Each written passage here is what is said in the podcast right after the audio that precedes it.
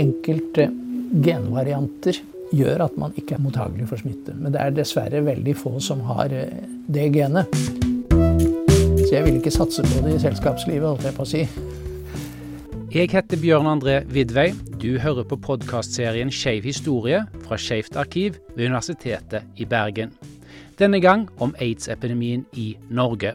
Professor emeritus ved Universitetet i Oslo Stig S. Frøland forteller om da den aller første norske aids-pasienten ble diagnostisert i 1983, og hvordan helsemyndighetene etter hvert begynte å finne ut av hvordan viruset kunne stoppes og ikke minst behandles. Og hvorfor noen av oss har større motstandskraft mot hiv. Det første aids-tilfellet i Norge fikk vi da på Rikshospitalet. Jeg husker det som det var i går, i januar 83. Jeg var til og med hjemme pga. influensa da. Så ringte oversykepleier, men det var jeg som godtok eh, godkjente innleggelser, søknader. Så ringte oversykepleier meg og sa hun hadde fått et merkelig, en merkelig henvendelse fra, fra en mindre Vestfoldby. Men um, en ung mann som hadde en svær soppbetennelse i spiserøret og da, da, skjønte jeg nå er vi med i aids-epidemien. Dette er helt klart aids. Jeg sa ta den inn med en gang. Og det, det var den første aids-pasienten i Norge. Men vi hadde jo hatt pasienter før eh, som vi trodde hadde tidlige stadier. Bl.a. hovne lymfeknuter osv. Så, og så, videre. så jeg hadde en god del sånne pasienter som vi tok lymfeknute prøver på det ene med det andre. Men eh, dette var den første som helt klart fylte da de internasjonale kriteriene for fullt utviklet aids. For det er jo en liste over spesielle kriterier. Hvordan gikk det med vedkommende? Altså? Jo, det var jo en tragedie, for han var jo en lærebok i det som skjer ved aids. Han kom inn altså med en klassisk Dette er en klassisk aids-komplikasjon. Så utviklet han en annen forferdelig typisk aids-komplikasjon. Et spesielt virus som heter cytomegalovirus, CMV, kan gi infeksjon i netthinnen i øyet. Han utviklet det på begge øynene og ble blind i løpet av noen måneder. Det så vi stadig i de første årene, for vi hadde ikke medisin mot dette viruset. Så utviklet han også en svær, en helt klassisk lungebetennelse, som vi ser først og fremst ved aids, men også ved noen andre immunsvikttilfelle. En spesiell soppbetennelse i, i, lungene. Og døde da blind med svær lungebetennelse i november samme år. Han kom inn altså ca. 20.1 og døde i november. Og vi, vi, gjorde jo så godt vi kunne ved å behandle komplikasjonene, men den gang hadde vi ikke så veldig mange gode medisiner mot disse infeksjonene som rammet immunsviktpasientene. der har det jo skjedd masse positivt. I dag kan vi takle mange av disse komplikasjonene mye bedre. Men jeg tenker den der tidlige fasen, eh, så visste man jo heller ikke så mye om smittemåter. Så hvordan var det for dere i helsevesenet å forholde dere til det? Nei, Det var eh, ille, kan jeg fortelle deg. Man ante jo ikke hva dette skyldtes. Men jeg må jo si at nokså tidlig så følte vi at dette måtte være noe smittsomt. Men vi visste ikke hva. Og hvordan skulle vi da forholde oss? Det er klart det var tungt for leger og for sykepleiere. Og vi hadde da vanlige smitteforebyggende tiltak, men eh, i og med at vi ikke ante hvor, om det var smittsomt, selv om vi trodde det, og hvor smittsomt det var, så, så var dette en belastning. Men vi måtte forholde oss til det. og det var tøft, det kan jeg fortelle deg. Og det var jo folk som, som ikke taklet det også den første pasienten, der skjedde det jo noe dramatisk. Han hadde også kronisk eh, infeksjon med, med viruset som heter hepatitt B, som er et lever, leverbetennelsesvirus. Det er meget smittsomt. Eh, smitter også med blod. Og en av våre sykepleiere klarte å stikke seg på en sprøyte som inneholdt pasientens blod.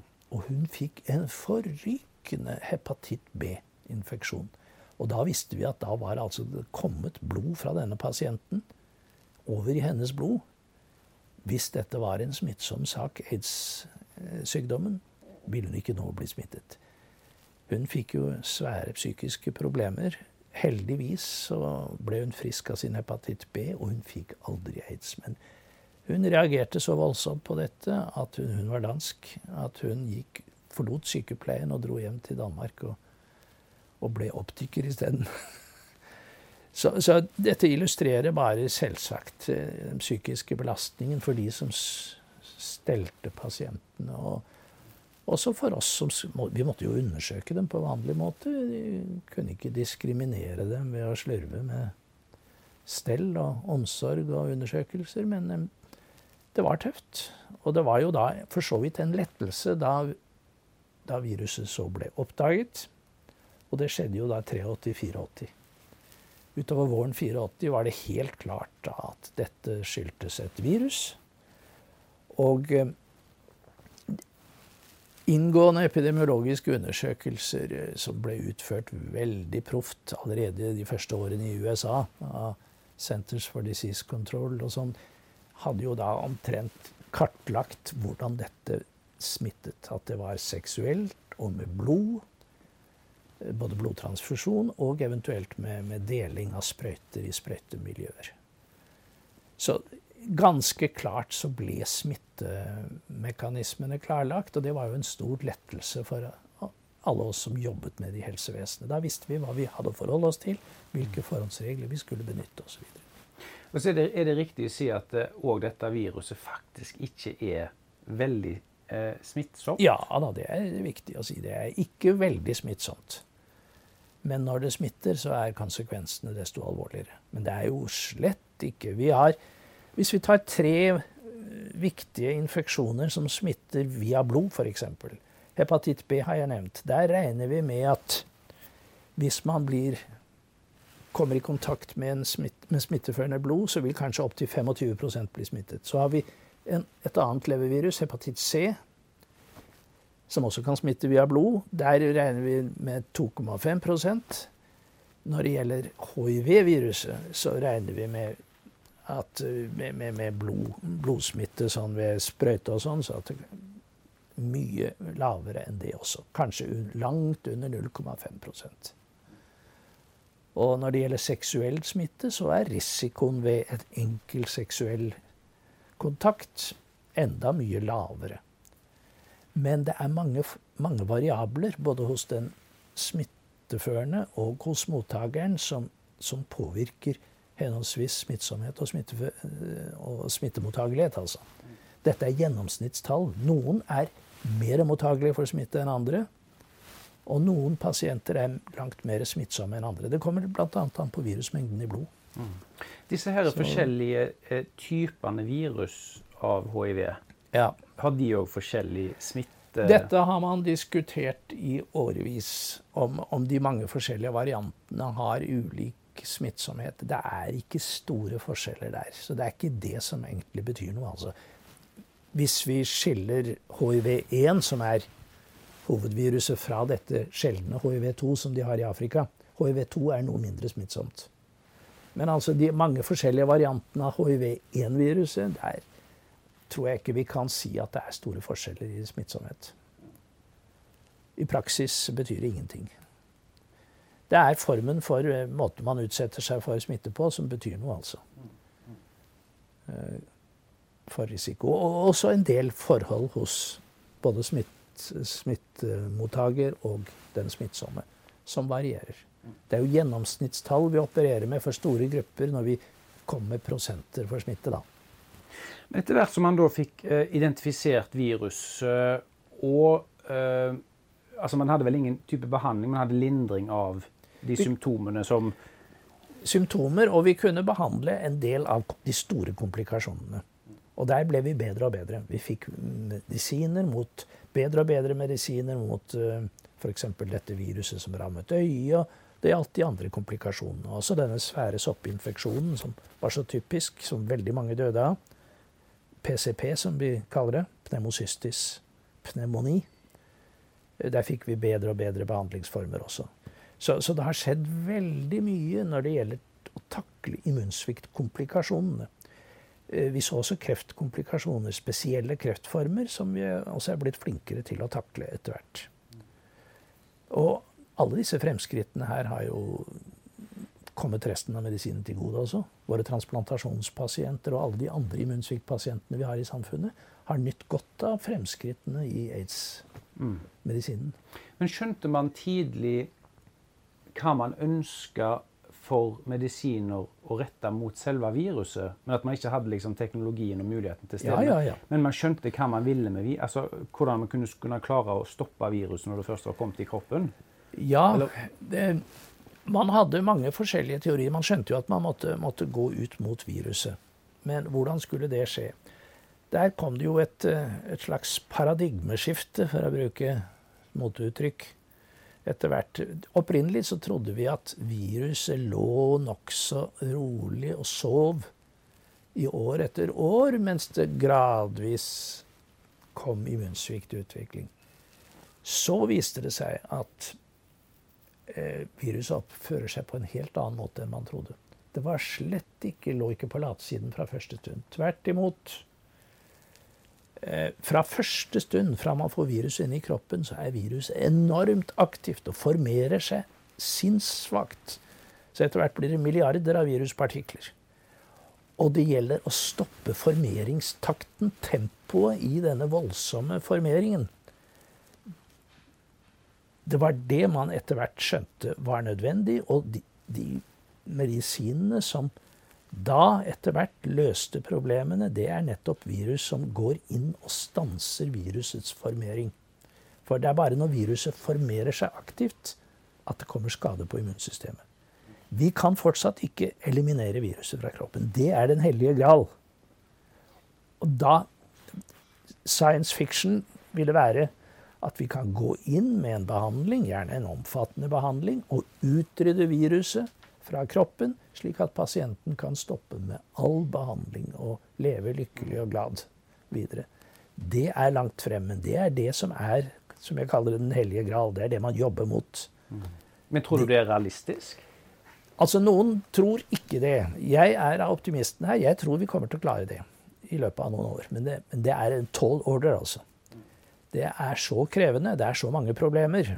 Men eh, jeg tror man kommer til det. Jeg har et eget kapittel hvor jeg skriver om mulighetene der. Jeg tror det er flere år før det, før det, kommer til å skje.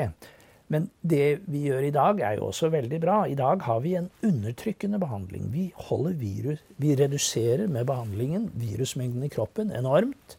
Vi stanser det aller meste, kanskje ikke alt, men det aller meste av formeringen. Sånn at det er små virusmengder i kroppen som holder seg nokså rolig. Det ligger i spesielle gjemte steder, spesielle celler. Hvis vi stanser behandlingen, så begynner viruset å røre på seg, og så er vi tilbake til utgangspunktet. Det som i dag er problemet, som jeg har vært veldig opptatt av de siste årene, det er ikke lenger immunsvikten. For når vi stanser virusformeringen, så, så stanser vi immunsviktutviklingen. Så vi har løst immunsviktproblemene ved denne sykdommen. Og det var jo det som var det dominerende og dramatiske de første årene. Men hva er det som skjer nå? Vi ser at etter noen år, selv meget velbehandlede pasienter, har en økt hyppighet av en del komplikasjoner, dels nokså sykdommer som vi også kjenner fra, fra medisinen for øvrig, som gjerne kommer med årene. Hjerte-karsykdom, f.eks. Kognitive problemer, en viss hjerneaffeksjon, benskjørhet. En rekke slike ting ser vi i større mer og mer hos de aldrende hiv-pasientene. Og det vi tror er nøkkelen, det er at selv hos velbehandlede pasienter, hvor vi har stanset virusformeringen nesten helt, så er det en ulmende betennelsesprosess i kroppen. Og den disponerer for disse komplikasjonene. Betennelse er i det hele tatt veldig mye viktigere enn folk tror. De tror bare det er snakk om en vekkefinger eller noe sånt. Men betennelse i kroppen disponerer for mange av de vanlige alderssykdommene våre. Så det som nå jeg har sett på som en av utfordringene, er å få behandlingsformer som stanser også den ulmende betennelsen.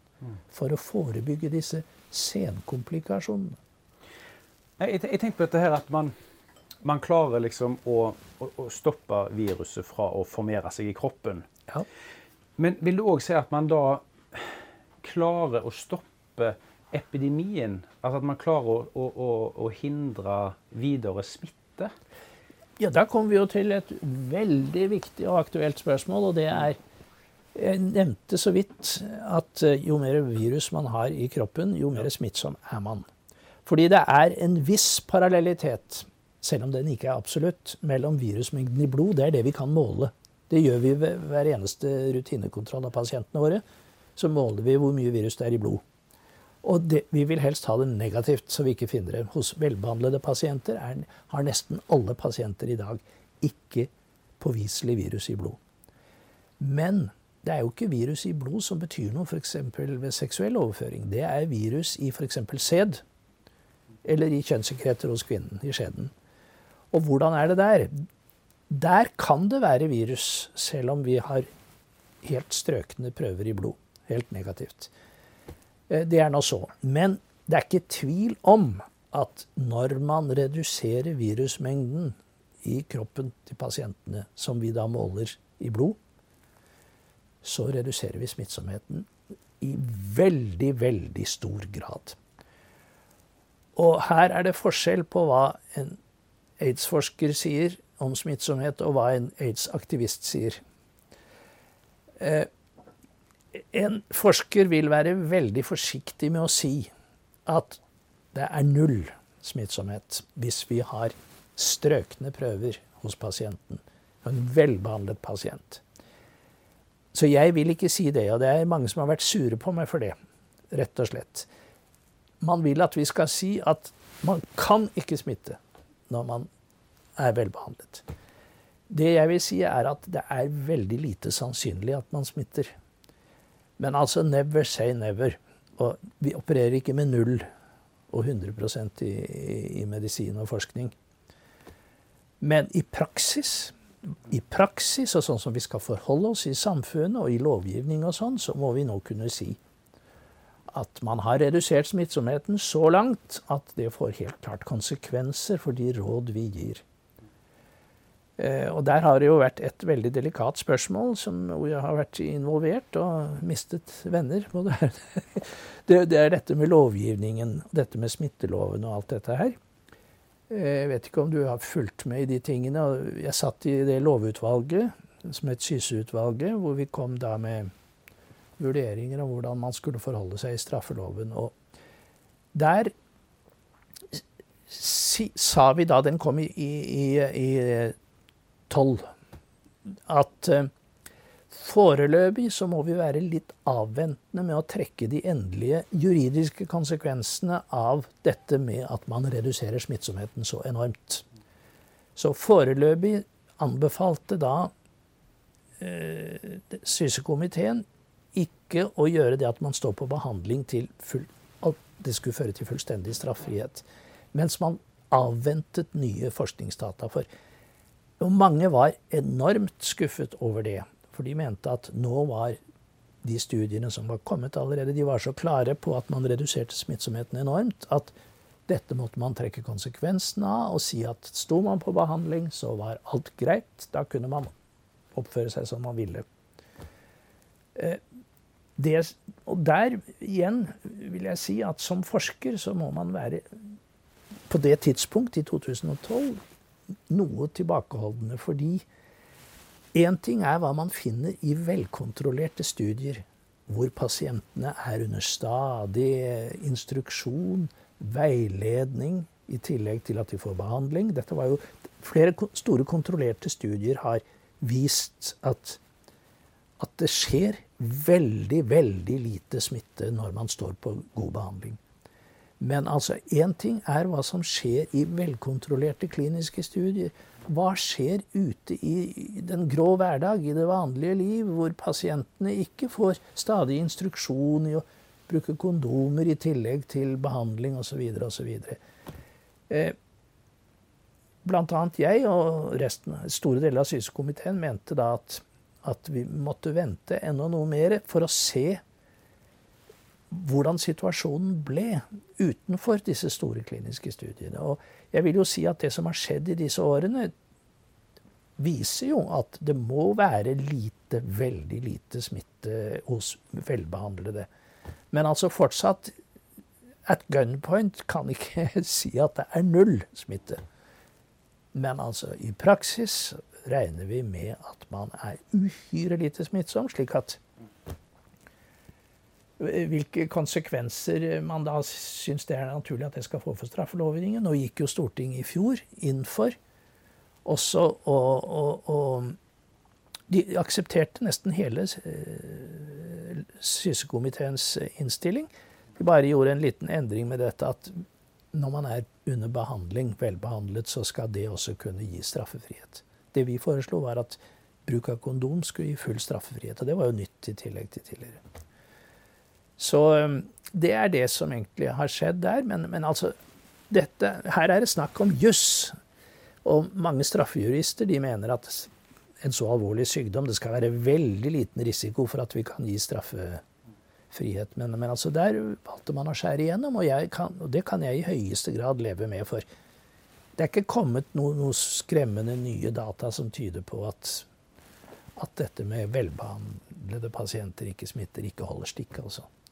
Men altså null er et tall som eh, jeg ikke vil bruke i denne sammenheng. Men som sagt, det ble veldig mye emosjoner rundt dette her. Og det har du kanskje fått med deg mm. allerede. Mm, absolutt.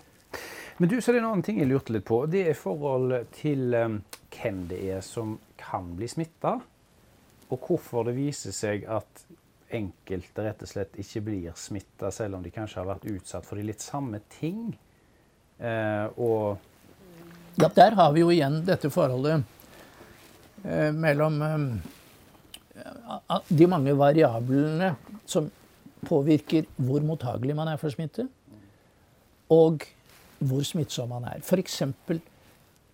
Eh, betennelsestilstander i kjønnsorganene, som man ser ved kjønnssykdommer, øker helt klart smittsomheten hvis det, hvis det er den smittsomme som har infeksjonen. Og hvis mottakeren også har betennelsestilstander der, så vil de også være mer mottagelige for, for smitte. Bare for å nevne ett eksempel. Um, så det er mange slike forhold som betyr noe. Um, så er det nok også genetiske faktorer ute og går. Og der kjenner vi jo noen spesielle situasjoner. Enkelte genvarianter gjør at man ikke er mottagelig for smitte. Men det er dessverre veldig få som har eh, det genet. Så jeg vil ikke satse på det i selskapslivet, holdt jeg på å si. Men der, der kjenner vi, og der kjenner vi mekanismen. Det er noen som har et gen som gjør at hiv-virus ikke klarer å komme inn i immuncellene og skade. Mm. Men det, er, det, er, det, genet da en del av ved, vedkommendes immunforsvar, eller er det bare en del av Det er en gen som, eh, som eh, koder for et molekyl som sitter på visse immunceller, som viruset må normalt komme inn i for å lage sykdom. Og noen mennesker er så heldige at de har Man kan ha én eller to doser. Hvis man har fått det fra begge, både mor og far, da er man uimottagelig for smitte. Og det er ikke mange som er sånn. Så er det noen som har fått det genet fra en av foreldrene. De er noe mindre smittsomme, og sykdommen utvikler seg kanskje litt langsommere hos dem. Men de kan bli smittet.